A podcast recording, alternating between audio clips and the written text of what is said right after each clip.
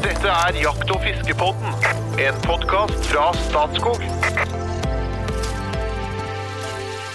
Hjertelig velkommen til Jakt- og fiskepodden. Mine faste følgesvenner er selvfølgelig med også denne gangen. Den ene skaper verbale bilder som gjør at TV blekner i sammenligning med podkast. Vi snakker om gitarist, fisker, jeger, kunstnersjel og informasjonssjef i Norges Jegerfisk, Espen Farstad. Hjertelig velkommen! Takk, takk.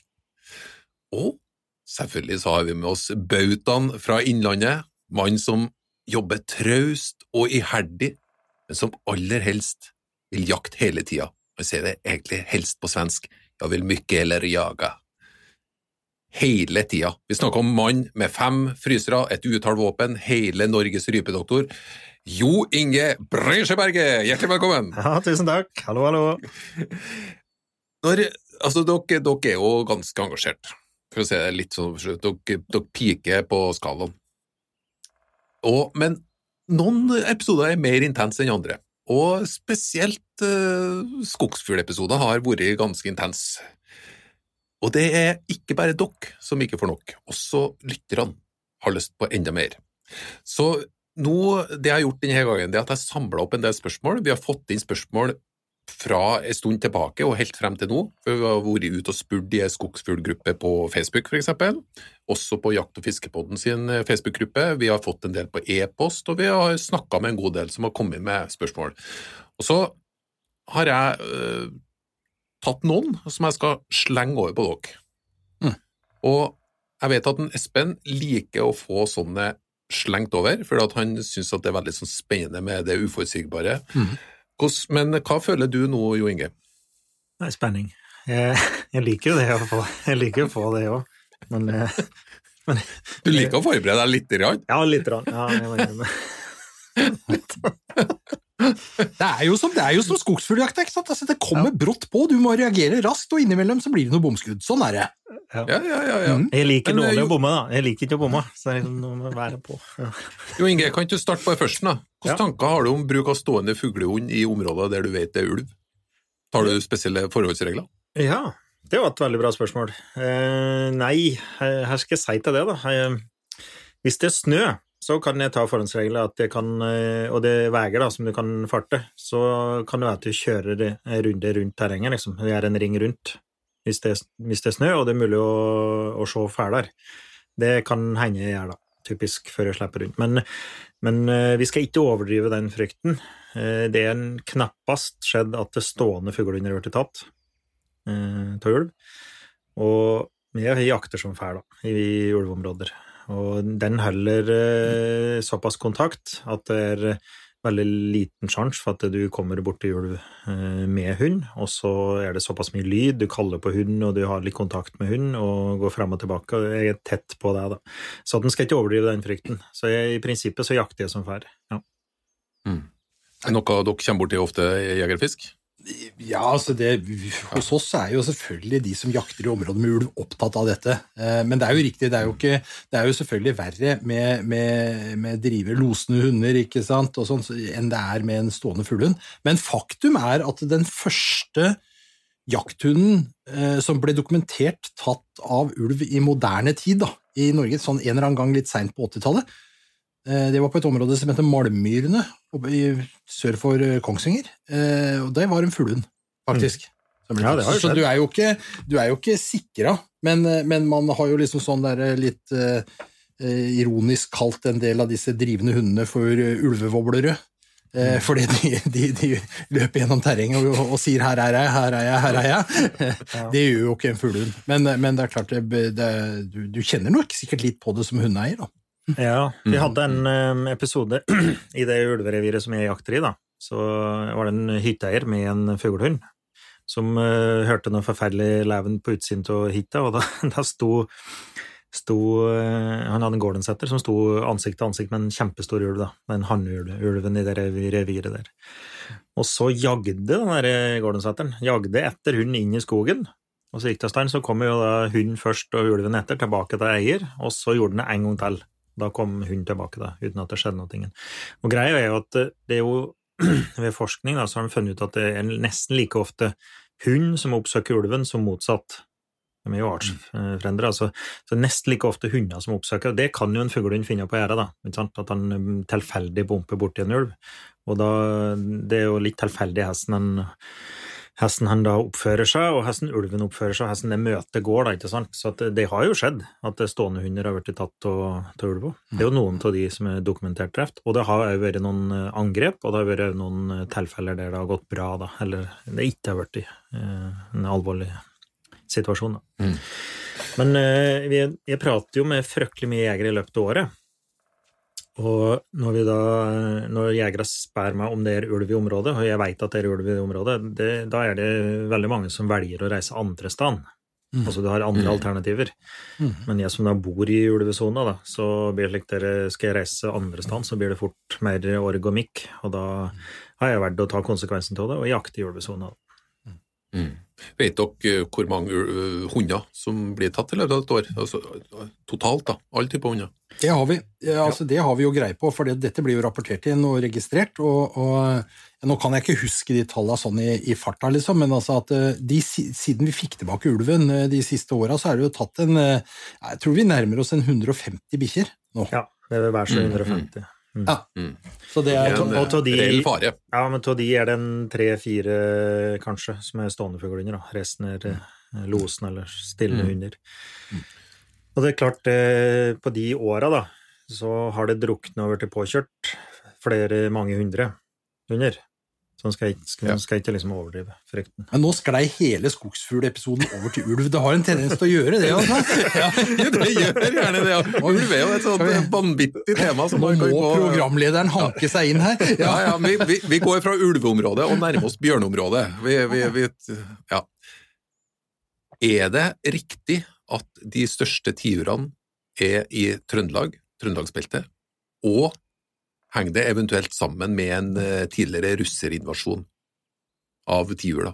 Altså, kan det være noen ulike arter som gjør at vi i Trøndelag selvfølgelig har fostra opp de største tiurene?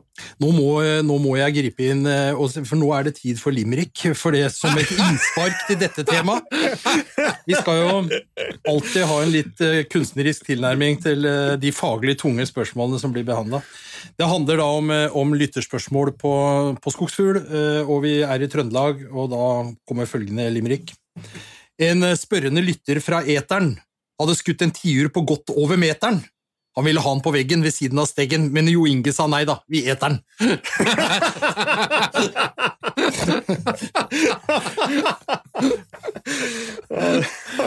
imponerende! Imponerende. Veldig bra.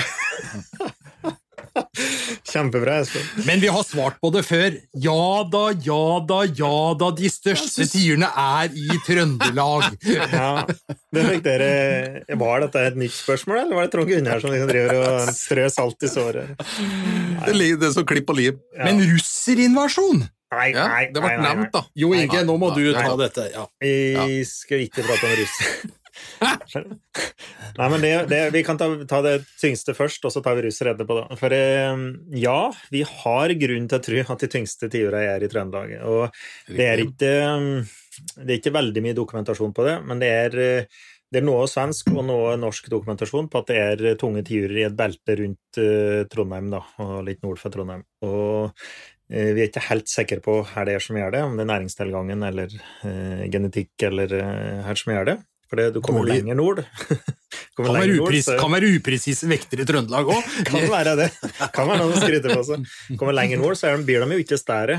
Og eh, den, i prinsippet skal den, det er jo litt forskjellige innvandringsveier på disse fuglene, og de skulle jo strengt tatt vært større i sør, da. Men det gjør de ikke. Og i mitt område så blir de ikke så store som det som visstnok er dokumentert da i Trøndelag. Så at vi tror og har grunn til å tro det. Når det har vært konkurranser og det har vært veid på vekter som er godkjent for kjøp og salg, så har det vist seg at det har vært noen tyngre tiurer i Trøndelag, da.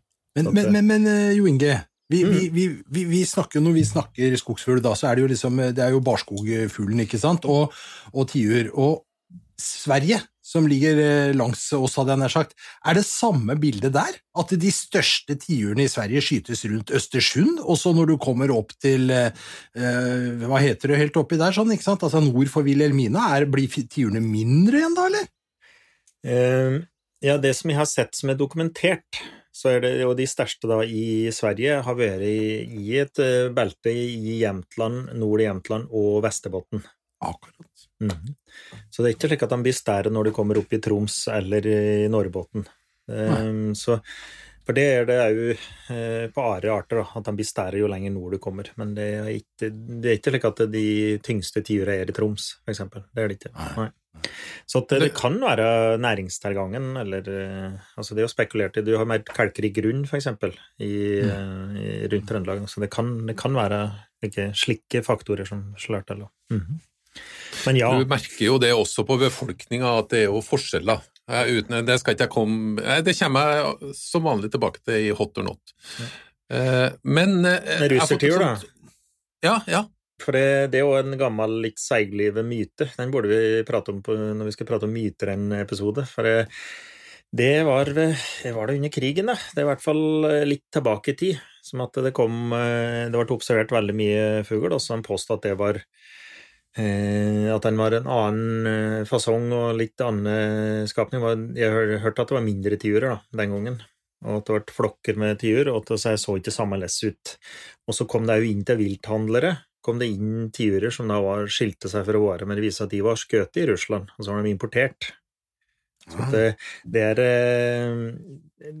eh, det er en, vi, jeg tror vi kan fastslå med sikkerhet at de ikke flyr tiurer, flokker med tiurer fra Russland og så til Norge, altså. Det må jo i så fall være ved grensa i Troms noe sted. Men, nei, eller Finnmark, men, men eh, det er ikke tilfellet, altså, at vi fletter tiur. Det er jo ikke en trekkfugl i den forstand. Og de fletter seg jo forholdsvis forholdsvis små hjemmeområder, og fletter seg forholdsvis kort avstand fra der de er født. Så det tror jeg vi kan avsløre med en gang, at eh, vi har fått en invasjon til russertiur, og det er det som har gjort det. Men det er naturlig at vi holder oss litt på tiur, i og med at eh, hele podkasten prydes av en vakker tiur. Eh, En som har lurt på hvordan man bedømmer alderen på en tiur. Ja, Hva ser man etter da? Kan, kan begynne, med en ting, begynne med en ting før du slipper til med det tunge faglige der, da, Jo Inge. For at, jo, jo, men det er sikkert, du har, du har jo greie på dette, det er jo alltid artig å høre på, men, men det første du må slå fast når du har skutt en tiur, det er jo er dette en kylling, altså årets produksjon, eller er det en gammel fugl? Dette er veldig viktig sånn for, for oss som er tiurjegere, å slå fast med en gang. I hvert fall, i hvert fall er det det for meg. Så da er jo Fordi- det, det har vi ras- sk- eh, jo, jo, jo, Har ikke kolben, da er det Ja, tiur i tiur. Men, men det er litt mer stas å skutte en gammel tiur, da. Ja, nei, altså Poenget er at det å skyte en ungtiur er selvfølgelig helt ålreit, for all del. Jeg skal ikke, det gjør, alle gjør jo det, men, men det å skyte en gammel tiur er litt særlig stas. Dette har vi snakka om før, da. Men, men det, det trikset som da er det letteste måten bare for å slå fast først om det er en ungfugl eller en gammel fugl, det er å løfte den opp etter nebbet. Altså etter undernebbet. Løfter opp. Hvis, hvis han henger da, og nebbet holder, så er det en gammel fugl. Hvis det er en ungfugl, så knekker nebbet. Den tåler ikke vekten av seg sjøl det første året, for den har liksom ikke utvikla så hardt og ordentlig nebb ennå. Så det er det første du gjør. Men så er den to, tre, fire eller fem år, Jo Inge. Da overlater jeg til deg, altså, for da er det vingefjær og jeg vet ikke hva. Ja. Ja. Ehm, da må du gå litt grundigere til verks. Jeg bruker å veie dem, det er jo en ganske enkel måte. Og så, får du en pekepinn om det er en ungfugl eller ikke. Kyllinger veier jo sjelden over 3,5, sånn tre, hver så tre kilo på høsten når du skutter dem. Eh, og kyllinga har da gir inntrykk til å være mindre kjøttfylde, og særlig tidlig på høsten så vil, de, vil jo se at de er små. Men når de kommer litt seinhøstes, de vokser jo fryktelig fort og blir store fort kommer litt senhøstes, så kan en ungtiur se ut som en voksen tiur, men den vil fortsatt ha runde halefjører. De er ganske avrunde i, i halefjøra, og korte, forholdsvis korte halefjør. Mens en voksen gammel hane, den har nesten helt rett ende på halefjøra si, og lange halefjører, eksempel. Så måler vi, slik vitenskapelig, så måler vi vekt, og så måler vi nebbhøgde. Nebbet det blir litt som vi har pratet om gevir og hønn tidligere, eh, tidligere Jeg har nevnt det, det at de, det vokser jo. Nebbet vokser. Så vi måler i nebbrota, måler høgda på den. Type 32 Ja, mellom 30 og 35 millimeter på store tiurer. eh, Hvis jeg husker helt riktig nå. Men eh, så vekta sammen, sammen med nebbhøgden vil typisk avgjøre hvor stor og gammel han er, da. Og skal du Mhm. komme enda lenger til vekst, så må du tippe mer inn på DNA og, eh, eller merken og, og gjenfangen, for eksempel. like. Men så er Er det nei, nei, da.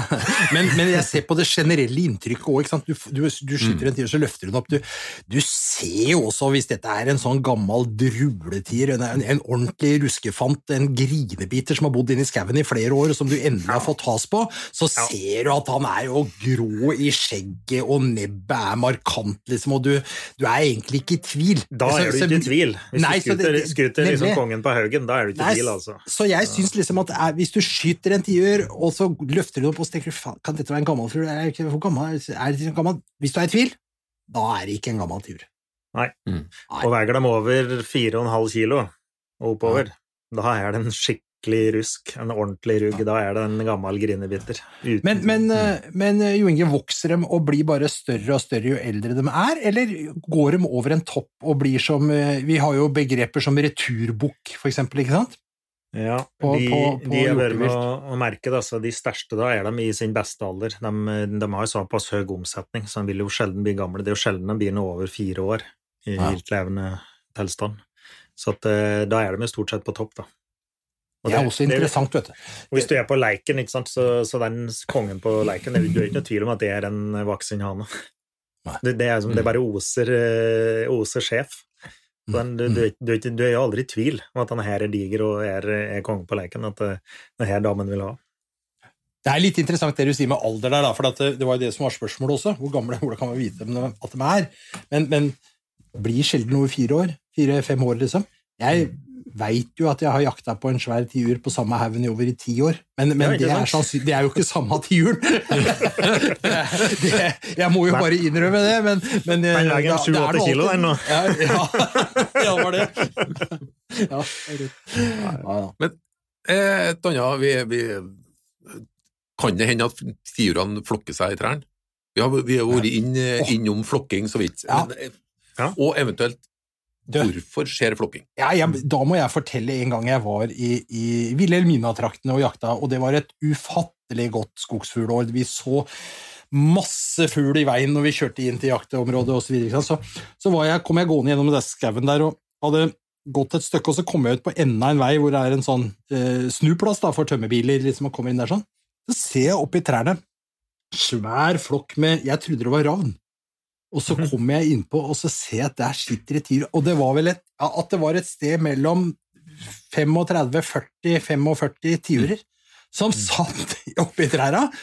Jeg trodde jo ikke mine egne øyer, men det var ungfugl. Ja, For det, for det at Jeg støkk dem jo til slutt, selvfølgelig, og de fløy rundt, men de, de satt, jeg jakta jo på dem hele dagen. Men var dette her på vinteren? På vinterjakt? Nei, eller var det? nei, Nei, det var på høsten, nei ja. dette, dette var på høsten. Nei, tidlig Dette var var sånn det typisk Nei, ikke så tidlig som, eh, som eh, Altså, jeg Det jakter var ikke september? Ja, slutten av september, tenker jeg. Ja. Okay, ja. Så det var, eh, så det var, det var en helt fantastisk opplevelse. Altså det å kunne oppleve, Jeg har jo hørt om flokking av tiur, men det er, jo liksom, det er jo gamle jegere som prater om det med tynn, pipete stemme. Etter en gang i midten av forrige århundre liksom, så hadde dette skjedd en gang. Så Ja, kom fra Russland? Ja, ja, det var russertiur, ja! Søren, noe sånn det var. Nei, ja. Ja. Nei, men for å være litt saklig og ordentlig, så er det ja, tiuren flokker seg. De har den evnen å flokke seg, og det kan skje før jul. Det er typisk på snø og kaldt vær.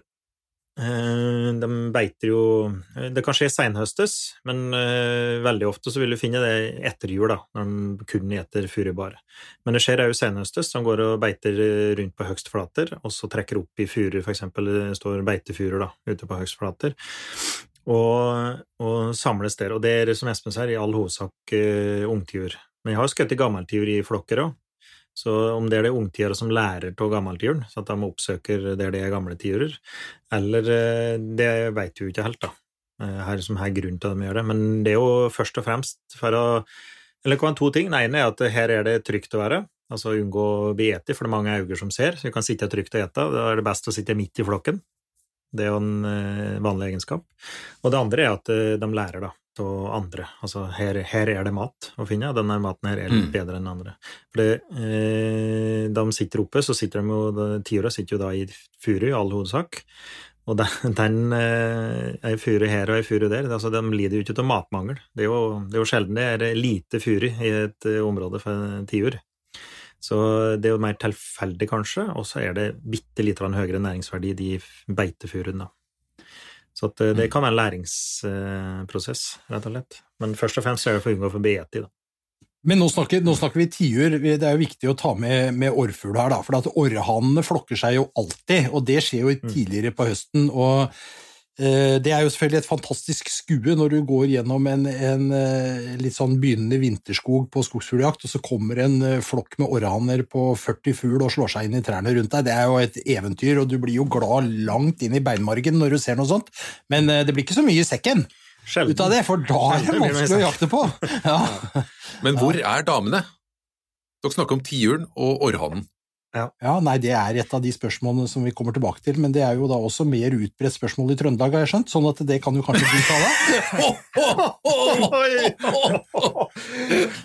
Hvor dro damene? og tok damene veien?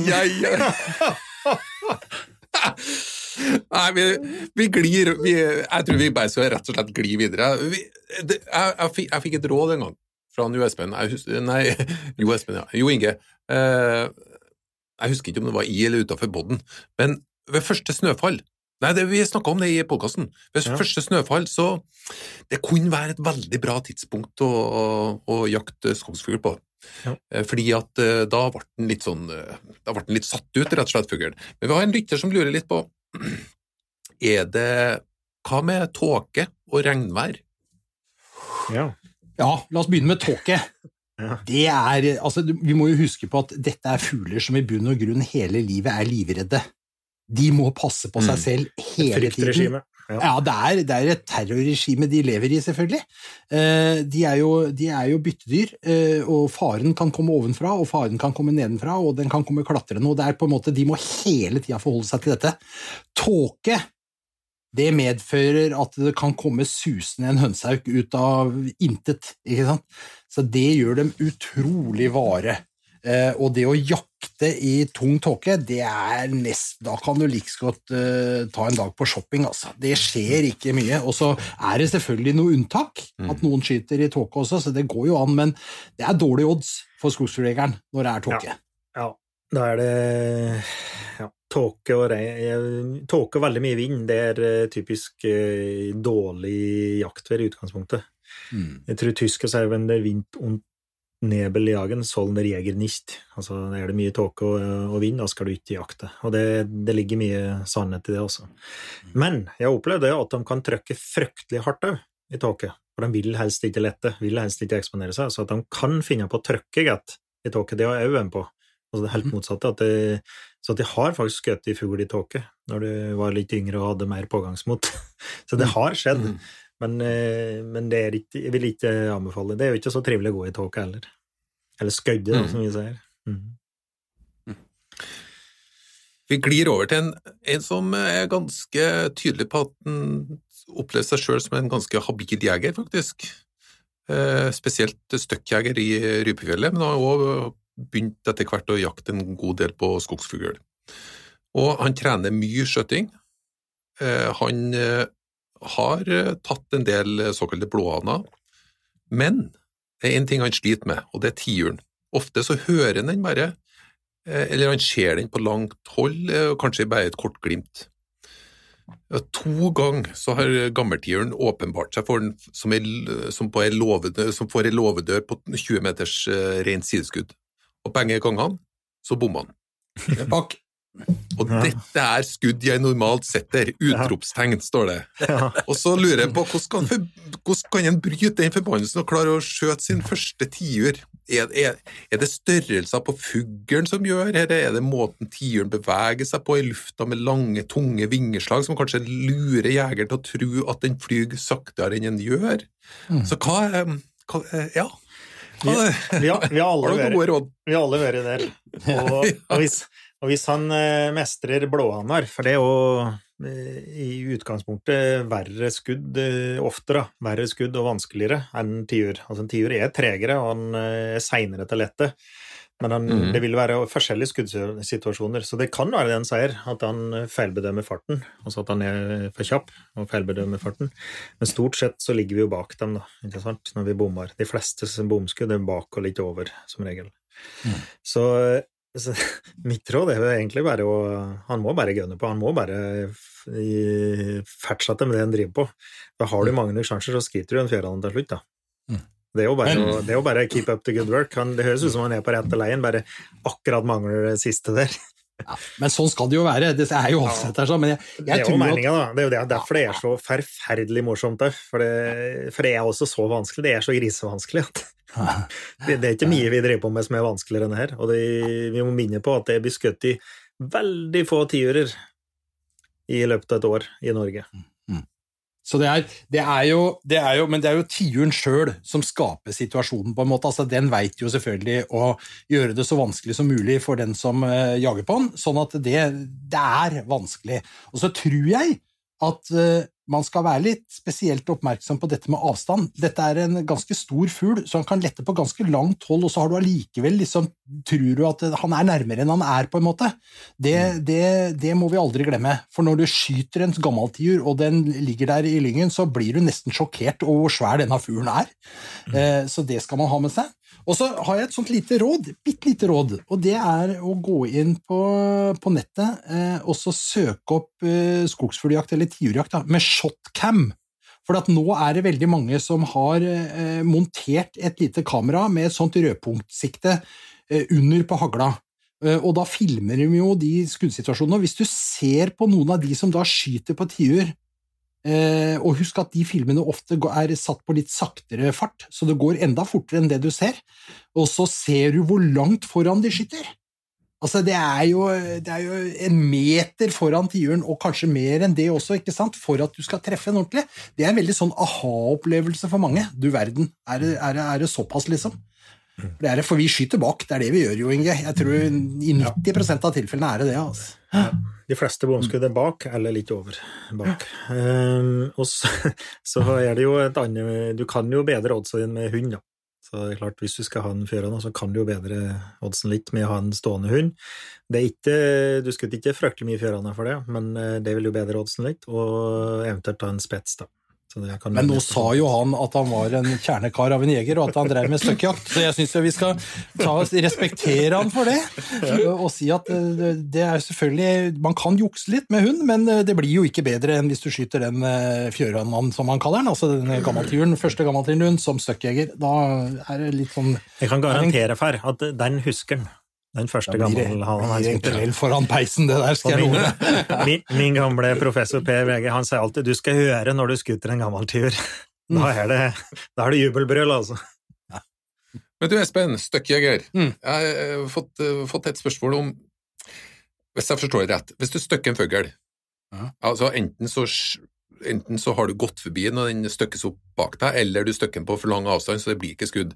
Hvordan, og så flyr den i en retning. Ja, er interessant. Eh, går du direkte etter den, eller går du i en bue? Altså, hva, hva, hva gjør du? For det, eller glemmer du den, og så går du bare videre? Nei, nå skal du høre. Det, dette kommer helt an på hva det er som letter. Det er, det er det du må finne ut. ikke sant? Hvis dette er eh, et kull med orrfugl, så følger du på.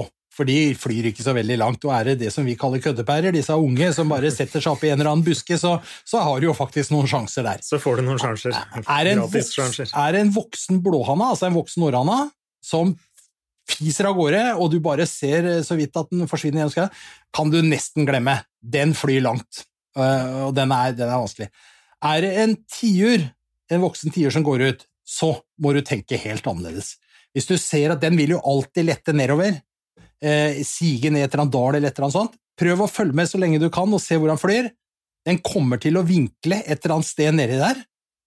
300 meter unna, liksom, så vinkler den, og så slår den inn. Da må du gå halvannen kilometer rundt og komme inn fra andre sida, hvis du virkelig har lyst på den fuglen. For den sitter med halefjæra mot deg og, og klar til å bare slippe seg videre om det er noen som forfølger den, så du skal lure den og komme inn fra gærne sida.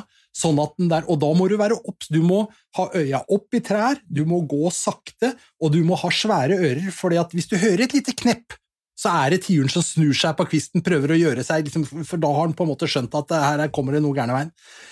Det er i hvert fall sånn jeg gjør det.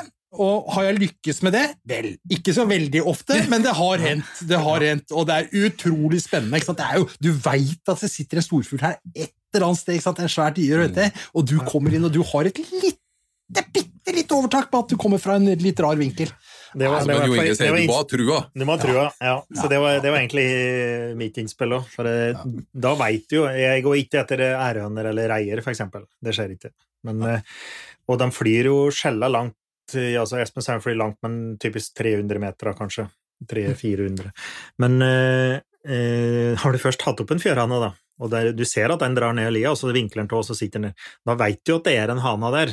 I den grad du er ute etter haner, så er det klart da Hvis derfor begynner å leite en annen en, da, så har du en mulighet til å gå på den.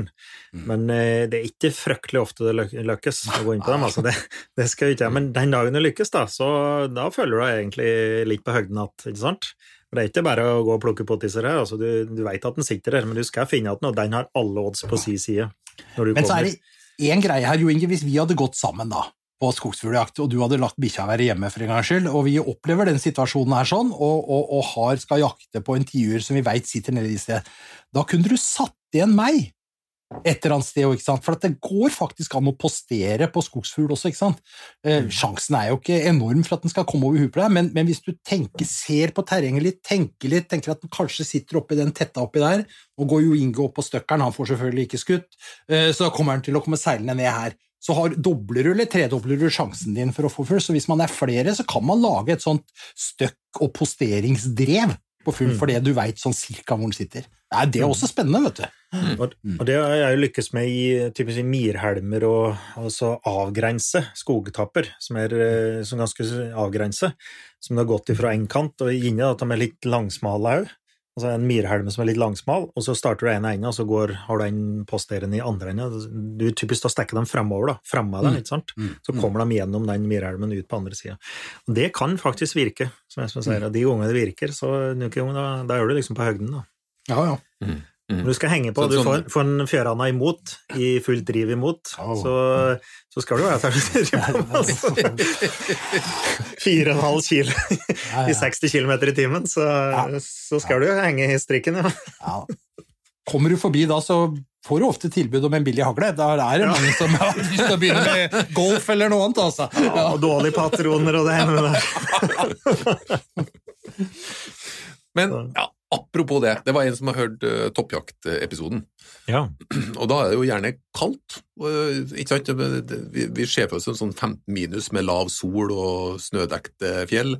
Vakkert, vakkert, vakkert. Og så kommer du inn på en uh, gammeltiur, og så legger du an. Perfekt eh, avstand, perfekt eh, skuddmulighet, og så klikker børsa. Han, egentlig så spør han om er det noe du burde ta ekstra hensyn til når det er så kaldt og du har et uh, våpen med. Eh, bør- det oljes uh, ekstra eller mindre, mer mindre? Er det noe man burde tenke på? Ja, det er for så vidt det. For det har skjedd. Jeg har til og opplevd det sjøl. At elge samler, samler skit, da. Altså at du får eh, støv og dritt som samler seg. Jeg har en halvautomat som du har eh, sluttstykket går ned i kolben, og der sitter det fjør som da presser sluttstykket fram igjen når du lader. Ikke sant? Og da det ble kaldt, så frøs det fast, og så sto sluttstykket bare gikk att og fram, for eksempel. Og jeg har jo vært med på det på refle, at du har hatt eh, elge som Eller fett. Fett er verre enn elge, da, men eh, tjukk elge som har rett og slett eh, Det har klebe og, og gjort at uh, tennåla henger fast, eksempel, så det, det klikker, det skjer ingenting. Så at jeg typisk renser eh, og bruker bare fin elge, bare litt fin elge. Jeg tørker i prinsippet tå alt sammen og renser sluttstykket så det er rent før jeg drar på teppejakt, og så bruker jeg bare veldig fin elge. Så at jeg begrenser den elgemengden, altså veldig fin elge. Så jeg vet at det virker når jeg, når jeg drar på toppjakt. Da. Men det kan skje, altså, at det fryser. Mm. Er det noe problem når du tar fra en varm bil og ut i 15 spek? Uh, nei, jeg, nei, jeg har stort sett Kondens og sånne ting? Ja, det, du vil jo da For Det tar jo litt tid før hun, hun tilpasser seg det kalde klimaet, men ofte så har jeg den bak i bilen, eller der det er kaldere, så det er litt kaldere enn inni kupeen, da, Ah, ja. Før jeg Mm. går ut, så det ikke blir så stort uh, sjokk, da, for rifle eller kikkerten. Det gjør ikke du, Espen. Du setter ikke på kaldt i bilen for å tilpasse deg Altså, kalkunen jeg, Altså, jeg er jo ikke sånn som disse innlandsbøndene fra Hedmark som kjører rundt i en iskald pickup heller, ikke sant? Jeg har det varmt og behagelig på vei til jakt. Ja, Neida. Eh, Men jeg, jeg tenkte faktisk tanken jeg var her på toppfugljakt her eh, rett før jul i fjor, og da hadde vi 23 kuldegrader oppe i Hedmark når vi kom ut, og det var kaldt da. Da hadde jeg noen tanker om hvordan dette virka på våpen og sånne ting, men eh, jeg kunne ikke merke noe på det, altså. Så mm, Nei, det er jo sjelden, men det har skjedd. ja. Jeg var med på, på kombien min at sikringen faktisk frøs. Det var det jo gammel elg da, som hadde dratt til seg litt uh, skit, og så rett og slett frøs sikringen. Fikk de av sikringen. Det sto to rådyr og skette på meg på haglhøl, og jeg sto der og klemte og klemte og klemte, og det skjedde jo ingenting. Så det, det kan skje, ja. Det var, var det typisk. Det er typisk da det er like 15-20-30 kaldegrader, da det skjer. Da du trenger det som mest. skulle man kanskje holdt seg hjemme, da. Ja. Eh, Følg opp akkurat den. Det er en som spør om kulevalg til toppjakt. Ja. Eller eh, da riflejakt, og han, han antyder rype. Jeg er usikker på om det er forskjell på rype og tiur, da. Det er ganske stor forskjell i størrelse, men han bruker sjøl på rype eh, 6,5-550 Norma Trainer. Ja. ja. Det er et bra valg, det. Og hva, hva sier juryen? Nei, eh, for det, apropos det med bæsjer som ikke fungerer, da, så er det jo et eh, stridstema, vet jeg, om det du skal ha varme eller kalde patroner. Bæsja henger jo på riggen, den er jo kald. Eh, veldig mange svenske tappjegere bruker å ha patronene ha de varmt, altså ha dem i lomma, og så lade først når skuddsituasjonen oppstår. Og så er det andre som vil ha kalde patroner, og har dem i eh, rafla når du går, da. Men det strides de leide om. Så jeg bruker stort sett å ha kalde patroner. har dem i rafla, ja. Og til kuler, da, så bruker, liker jeg byttekuler eh, til eh, tiur og ryper, som han prater om her. Så liker jeg byttekuler som type den eh, Lapa Trainer, eller, eller Norma sine byttekuler. Norma heter den, da? Den eh, ja, nå kom jeg ikke på det akkurat i farten. en treningspatronen de har, som er bitte litt buttere enn en spisskule. Den legger, klipper stort sett bare et fint hæl i fuglen, da. Eh, svensker bruker ofte matchkuler med hælspiss. Eh, da får du litt mer knall og fall-effekt enn om du bruker en eh, helmantel som bare går tvers igjennom. Det stiller litt større krav til at du treffer riktig. Men hælspiss på rype, for eksempel, da kan det bli igjen veldig lite. Jeg har skutt i æraner som det bare er en skinnfille igjen når jeg har brukt uh, Senar, da, for eksempel, eller ikke matchkule, la på Senar. Og det er jo ikke så spennende, da. Når du først har skutt i den fine bladene, og så henger det bare skinnfiller igjen i buska, liksom. Det, det er jo ikke så spennende. Så, så jeg foretrekker byttekule, heller gå litt nærmere. Og da med 6,5, da dør både tiuren og, og rypa veldig greit til det. Og Mm. lager pene slakt. Mm. Det, det slo meg en ting. Eh, Det er jo ikke sånn at eh, man får en million skuddsjanser i løpet av et år. Mm. Blir ammunisjon eh, gammel? For gammel? Går den ut på dato? Ja, den, den krever Det er jo kruttet, stort sett, da, som, som jeg skal si, går ut på dato, da. Den krever at det, ikke er noen store temperatursvingninger. At den er lagret tært, helst mært, altså inni skapet, og ikke for store temperatursvingninger. Da, går det, da varer jo patronene nærmest evig. Det betyr at du kan lagre patronene best ved siden av vinflaskene dine, da. ja, så det er litt rimelig passivt. Tørt, mørkt og tolv grader, så har vi det. Jep, tørt, mørkt og 12 grader, helt riktig. Men jeg har opplevd det, og det nevnte for en tidligere episode her. Jeg skjøt på rype i Nord-Sverige i fjor, og det klikker. Altså, patronen virker ikke.